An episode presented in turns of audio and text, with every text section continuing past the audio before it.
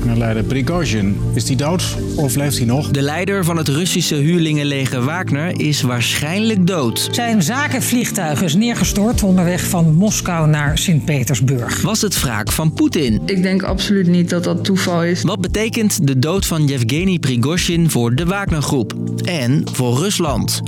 Ik ben Jasper en ik leg het je uit. Lang verhaal kort. Een podcast van NOS op 3 en 3FM.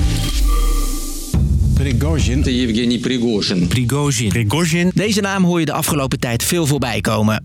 Als je hem googelt, zie je een kale, boze Rus van rond de 60. Waarvan niemand verbaasd is dat hij nu waarschijnlijk dood is. Nobody expected Yevgeny Prigozhin to survive very long. Maar wie is Prigozhin eigenlijk? Hij begon zijn carrière in de cel. Jarenlang zat hij vast vanwege diefstal en fraude. Daarna opende hij een hotdog-restaurant in Sint-Petersburg. En werd hij de kok van Poetin. De president van Rusland gaf hem allerlei klusjes. Van het cateren voor het leger tot barakken onderhouden. Op een gegeven moment ging Prigozhin vechten bij een soort schaduwleger op de Krim. Het Oekraïnse schiereiland dat Rusland sinds 2014 bezet. Zo'n tien jaar geleden werd hij pas echt bekend als baas van de Wagnergroep. De Wagnergroep gebruikte vaak extreem geweld. En dat is allemaal niet namens Rusland, maar wel voor Rusland. En niet alleen in Oekraïne, maar ook in bijvoorbeeld Afrika is Prigozhin en zijn Wagnergroep al jaren actief. Als uithangbord van Rusland. Prigozhin en Poetin gingen dus lange tijd heel goed samen. Of het echt vrienden waren, dat weten we niet. Maar in de oorlog in Oekraïne was Prigozhin heel belangrijk. Legt Mick Dijkman uit. Zij deed veel onderzoek naar de Wagnergroep. In Oekraïne maakten ze zoveel mogelijk slachtoffers, um, hielpen ze strategische doelen eh, van Rusland te bevorderen, het verzwakken van de Oekraïnse leger. Maar een paar maanden geleden kwam daar verandering in. Er vielen steeds meer slachtoffers aan de kant van de Wagnergroep. En Prigozhin had steeds meer kritiek. Hier schreeuwt hij in een video gericht aan Poetin. Terwijl de lijken van Russische soldaten om hem heen liggen, schreeuwt Prigozhin dat Poetin meer wapens moet sturen. Twee maanden geleden is hij het zat. De Wagnergroep valt het Russische stadje Rostov binnen.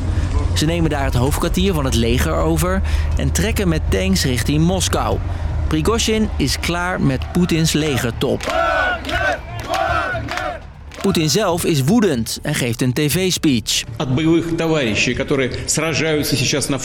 Dat hij uh, Prigozhin uitmaakte voor een verrader en eh, hij veroordeelde hem tot een hoogverrader van het regime en van het land. Prigozhin trekt zich dan terug. Nu, precies twee maanden later, stort een Wagner-vliegtuig neer. Met aan boord vrijwel zeker Prigozhin. En of dat toeval is, Mick? Ik denk dat dit een poging is om uh, een critici van het regime de mond te snoeren. Dat kan geen toeval zijn.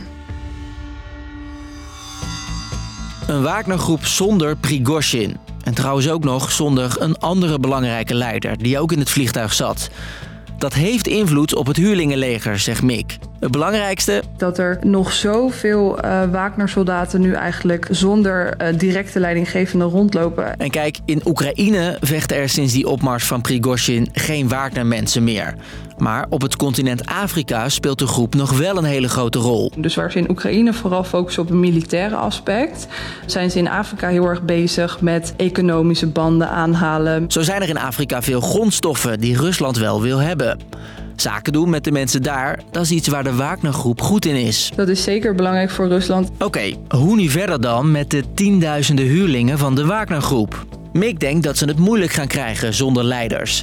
En dat huurlingen van Wagner misschien wel overstappen naar andere kleinere legers. Of naar het officiële Russische leger van Poetin. Er gaan nu ook al geruchten rond dat er contracten zijn uitgedeeld. Op die manier is er dus geen grote machtige Wagnergroep meer.